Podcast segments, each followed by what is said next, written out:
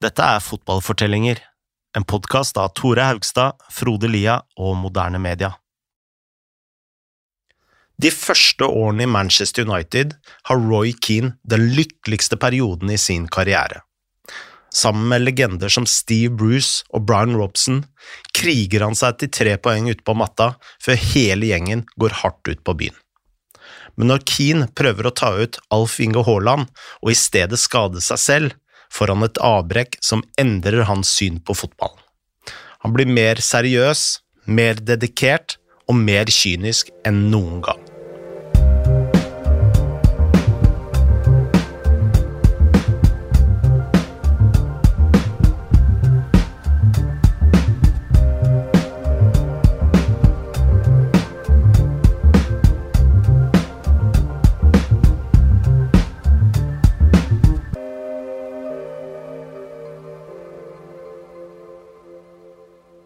Så fort eh, Roy Keane satte sin fot inn på Old Trafford, var han forelsket i Manchester United.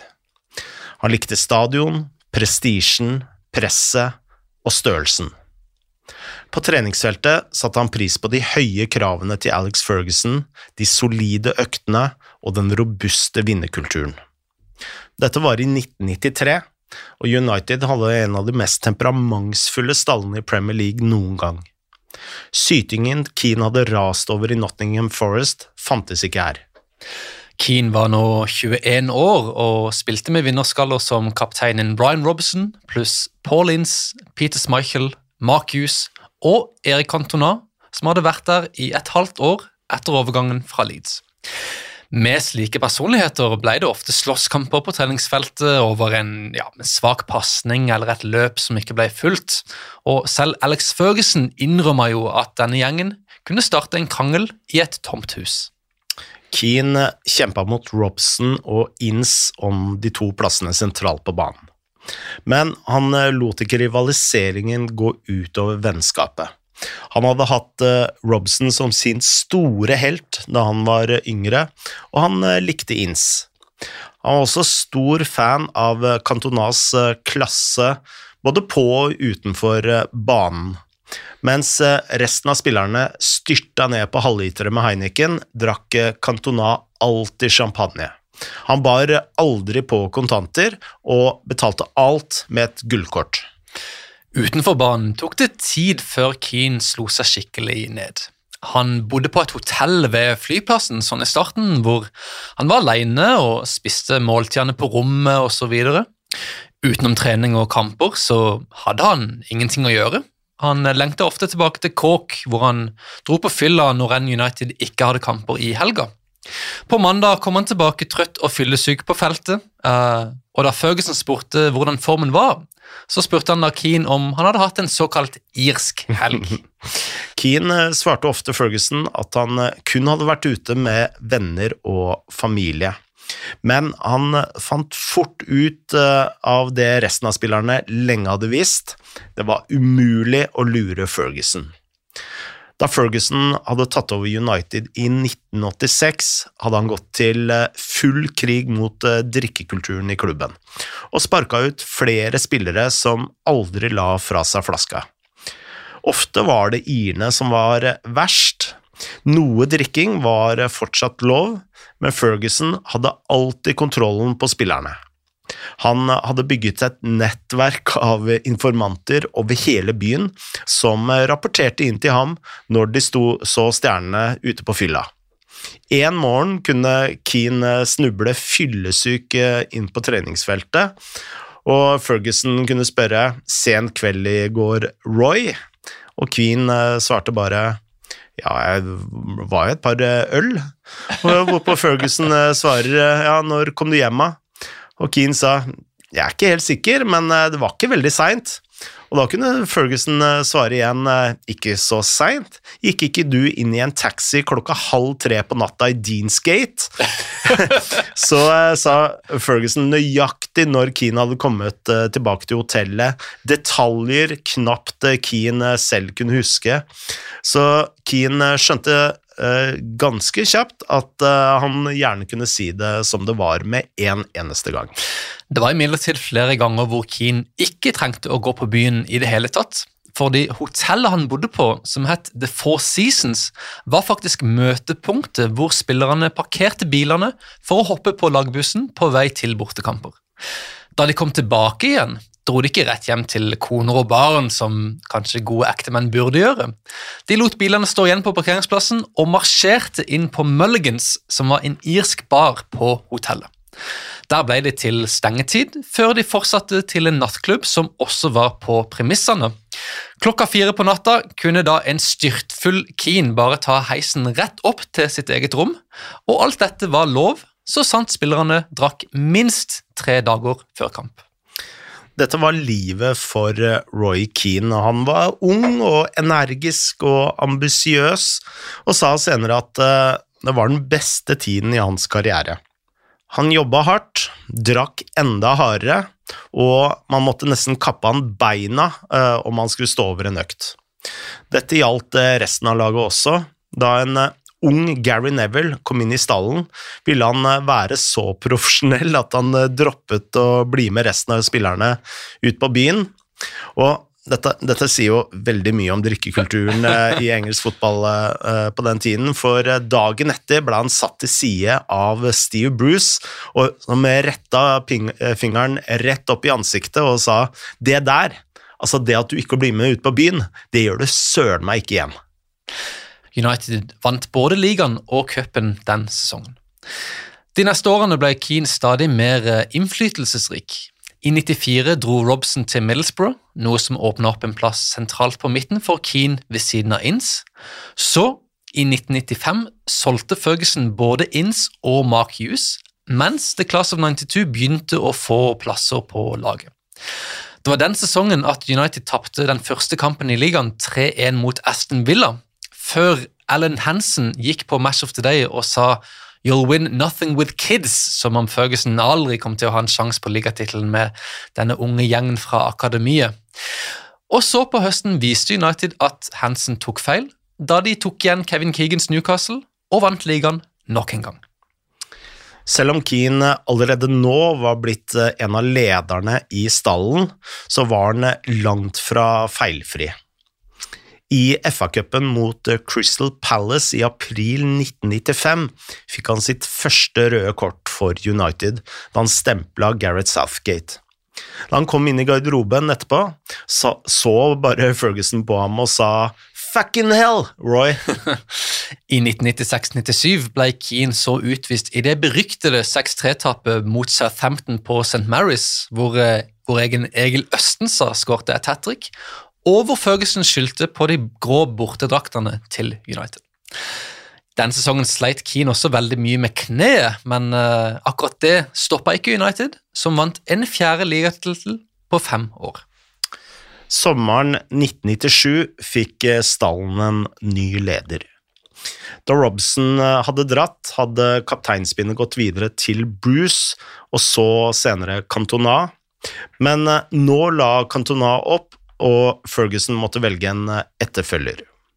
Selv om eh, de største karakterene var borte, hadde Ferguson flere gode alternativer, som eh, Schmeichel, Gary Pallister og kanskje min favoritt, Dennis Irvin, men han valgte til slutt Keane.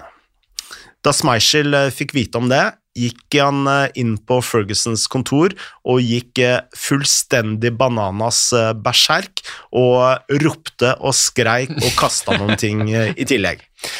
Rundt to måneder etter at Keane hadde fått bindet, spiller altså United 2-2 hjemme mot Chelsea. Spillerne har slåss i tunnelen i pausen, før United selvfølgelig har gått skuffa av banen. De ville jo ha mer enn ett poeng mot Chelsea. Og etterpå drar Keane på en bar på et hotell like ved Old Trafford med et par venner som har reist fra Cork. Samme kveld får Keane vite at broren har fått en datter, og selv om Keane aldri går ut på onsdager eller midtuka, så bestemmer Keane seg for å feire denne nyheten.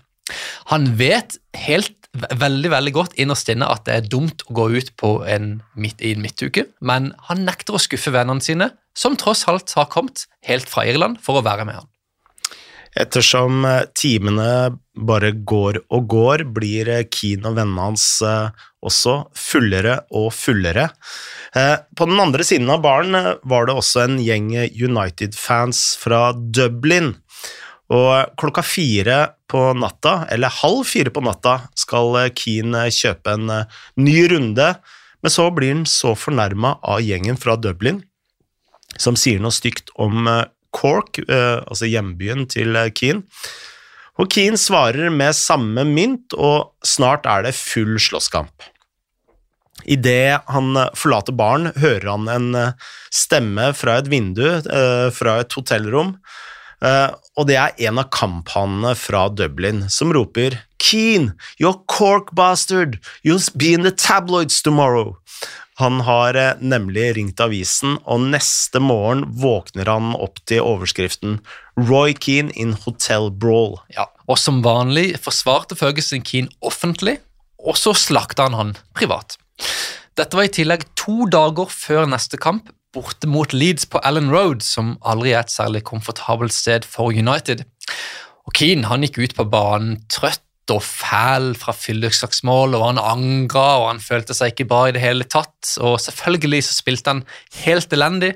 United tapte 1-0, og i tillegg så ble Keane i praksis mannsmarkert og plaga og forfulgt gjennom hele kampen av Alv Inge Haaland. Fem minutter før slutt var Keane skikkelig lei.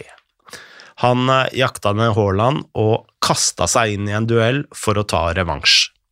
Men knottene satt fast i gresset, og Keane kunne høre leddbåndet ryke idet han gikk ned. Smerten var enorm. I tillegg bøyde Haaland seg over han og ropte at han skulle komme seg opp og slutte å fake skade. United hadde allerede brukt opp alle byttene, så Keane måtte hinke rundt på banen de siste minuttene. Han var ute for resten av sesongen, og så alvorlig var skaden at hele karrieren sto faktisk i fare. De neste månedene tok Keane fatt på den ensomme veien gjennom rehabilitering. Han jobba godt gjennom uka fra mandag til torsdag, men så fort det var fredag ettermiddag, så tok han tak i flaska ganske kjapt. en dag satt han i en pub med Brian Robson eh, idet han fikk en telefon fra Manchester Evening News. En journalist ville vite om Keane jobba hardt for å komme tilbake fra skade. Definitivt, svarte Keane, idet han signaliserte med hånda til bartenderen at han ville ha en ny runde. De lange dagene uten fotball fikk Keane til å endre synet på sin egen karriere. Han innså at han var veldig sårbar, at kun én eneste takling kunne gjøre slutt på hele karrieren når som helst. Han sverga at han aldri mer skulle ta sin egen fitness for gitt, og gikk inn for å få så mye ut av resten av karrieren og de neste årene som mulig. Han klarte heller ikke å glemme Alf Inge Haaland. Keane endra også syn på selve bransjen. Når han spilte sjøl, så levde han i denne bobla hvor alt virker normalt, og du må liksom leve fra dag til dag.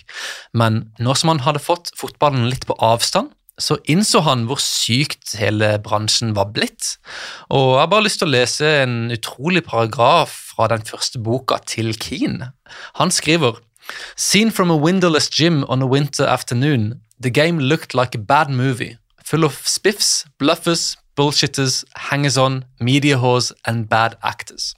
If you played your hand correctly, you could be a big man without achieving anything.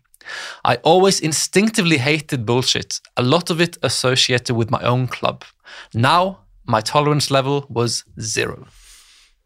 Ja, det var harde bud. Gary Neville sa senere at det fantes to versjoner av Keane i United. En før sommeren 1998 og en etter.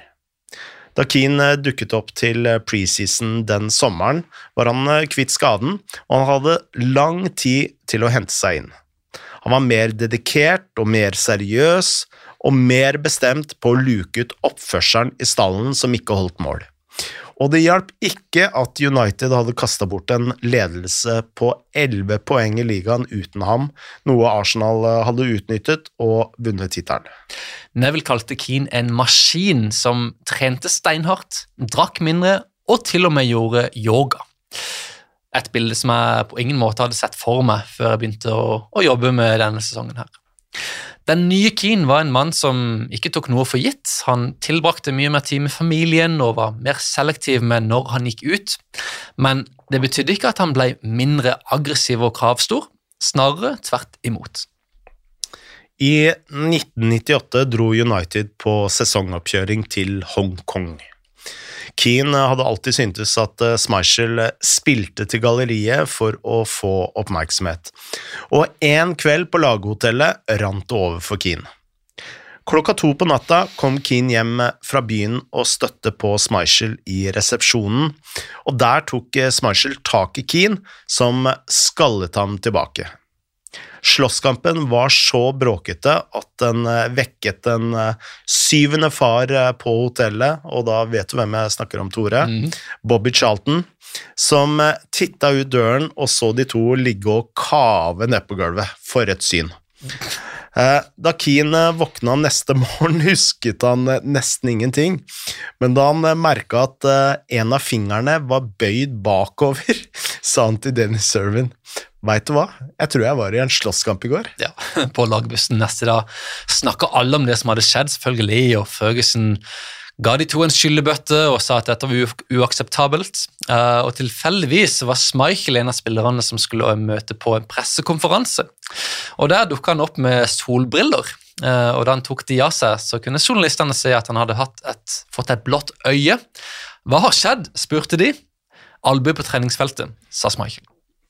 Som vi vet, vant eh, United the treble den sesongen, og en av drivkreftene var den nye Roy Keane. Neville eh, sa at han løftet alle opp et nytt nivå, og om noen slapp av, var Keane oppe i trynet på dem umiddelbart.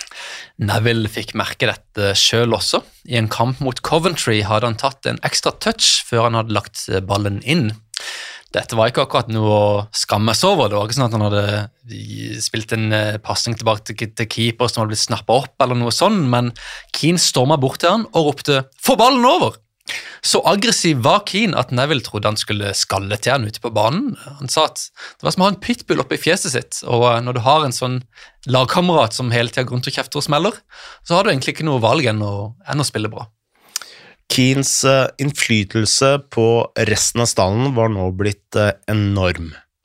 Hver morgen fikk Ferguson spørsmål om hvilke humør Roy Keane var i dag, og alle spillerne visste at det ville sette tonen for resten av dagen. Kanskje den mest minneverdige prestasjonen til Keane den sesongen kom bort mot Juventus i Champions League, hvor United lå under 2-0 idet han flikka inn reduseringa, og så løp tilbake til egen halvdel for å starte kampen. Men han hadde også uflaks i den siste delen av sesongen. Han ble utvist i FA-cupen mot Arsenal for en takling på Mark Overmars, før Giggs skårte dette solomålet som sendte United videre. Og da United slo Juventus i Torino, fikk han et gult kort mot Zidane, som kosta han finalen. Ved flere anledninger havna Keane i trøbbel utenfor eh, banen. Fem dager før FA-cupfinalen var han på en fyllekule som endte opp i en bar i Manchester. En fremmed dame spurte om han kunne kjøpe en øl. Da Keane ignorerte henne, spurte en fyr om eh, hvorfor han ikke ville spandere. Piss off, sa Keane, og så ble han eh, truffet av et glass like under øyet. Keane angrep fyren, og knyttnevene fløy frem og tilbake før politiet rykket inn.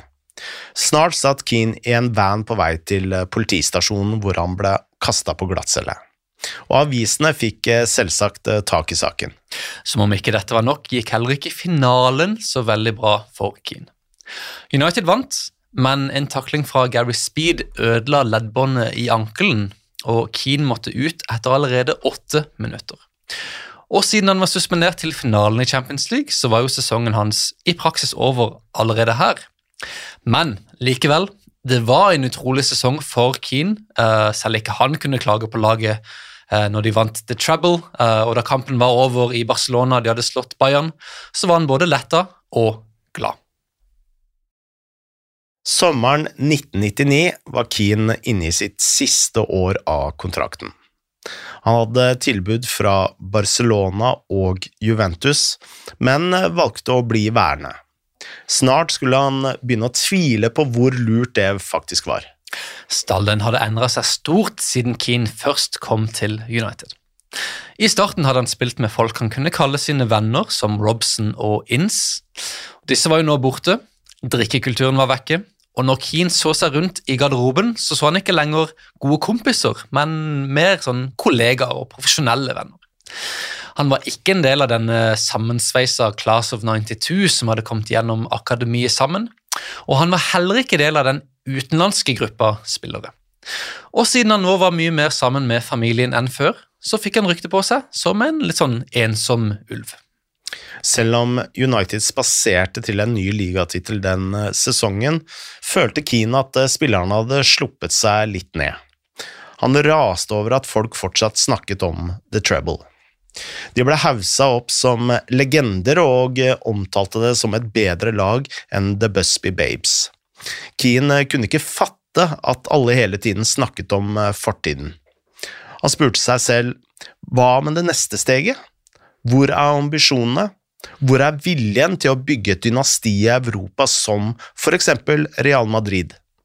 Da United røk ut av Champions League mot nettopp Madrid, følte Keane at nederlaget hadde ligget i lufta veldig lenge. Faktisk følte Keane at United slapp unna med sin svake mentalitet fordi motstanden i Premier League på den tida var såpass svak. Han sa ingen om, ingenting om dette til andre enn familie og nære venner, men sesongen over så kokte det over. United spilte hjemme mot Dynamo Kiev i siste runde av gruppespillet i Champions League. Og De var heldige som vant den kampen og sneik seg videre. De fikk eh, lite støtte også blant de 66 000 på tribunene, så etter kampen fyrte Keane løs mot sin egen klubb. Keane sa følgende Borte er fansen vår fantastisk. Jeg vil kalle dem kjernen av supporterne våre. Men på hjemmebane tar de seg et par øl og sannsynligvis noen rekesandwicher, og de forstår ikke hva som skjer ute på banen. Jeg tror faktisk noen av de folkene som kommer på Old Trafford, ikke engang kan stave fotball, og de klarer definitivt ikke å forstå det. Og dette har faktisk blitt et begrep i Storbritannia, dette med prawn sandwiches. Uh, du, pleier, pleier, å bruke det om fans som liksom er på VIP-tribunen, eller som kommer på kampene kun for underholdninga, og som ikke har noe ønske om å heie frem laget. Også denne sesongen var United overlegen i ligaen, men Keane syntes fortsatt at eh, standarden var for lav. I 1993 hadde det brent på dass om de hadde tapt en kamp. Det var taklinger og slåsskamper på feltet hele tiden. Nå var det ingen fight. Det var ingenting. Da United røyk ut mot Bayern i Champions League, begynte Keane ikke bare å bli irritert og sint, men han ble bitter på situasjonen. Og han kunne ikke skjønne at Ferguson ikke tok tak i problemene og ikke kjøpte nye spillere for å korrigere alle disse problemene. Tre dager senere spilte United mot City hjemme. Der tok Keane hevn på Haaland. Han gikk inn eh, med knoppene like over Haalands kne og påførte en skade som Haaland sa kosta ham resten av karrieren. Keane gikk av banen uten protester. Han hadde fått det røde kortet han ba om. Keane ble suspendert i tre kamper og bøtelagt 5000 pund. Men da han senere publiserte sin første bok, hvor han sa at han hadde skada Haaland med vilje, eller iallfall hinta veldig sterkt til det, så ble han satt under etterforskning av det engelske fotballforbundet. Disse uttalelsene gjorde at Keane ble bombardert med kritikk, og han sa at det var, føltes nesten som om han hadde drept noen. Under høringen hadde Fotballforbundet hyret inn en advokat som vanligvis jobbet med mordsaker. Keane forsvarte seg med å si at han ikke ønsket å skade Haaland, men at han var en av rivalene som alltid lå der i bakhodet, i samme kategori som Alan Shearer, Dennis Wise og ikke minst Patrick Vieira. Om han eh, fikk eh, sjansen til å takle noen av disse, sa Keane, så kom det selvsagt til å smelle.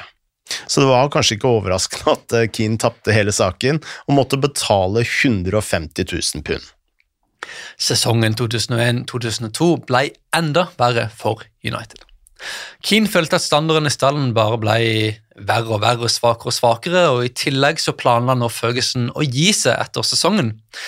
Snart ble Keane så oppgitt over dette her at han vurderte å gi seg sjøl og bare forlate hele greia, men uh, han ble da overtalt til, av Ferguson til å fortsette, så vidt det var.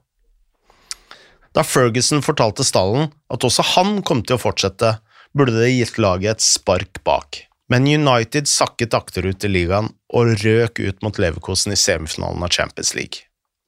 Da sesongen var over, satt de igjen med akkurat like mye som Keane syntes de fortjente, nemlig absolutt ingenting. Men bunnen var ikke nådd for Keane.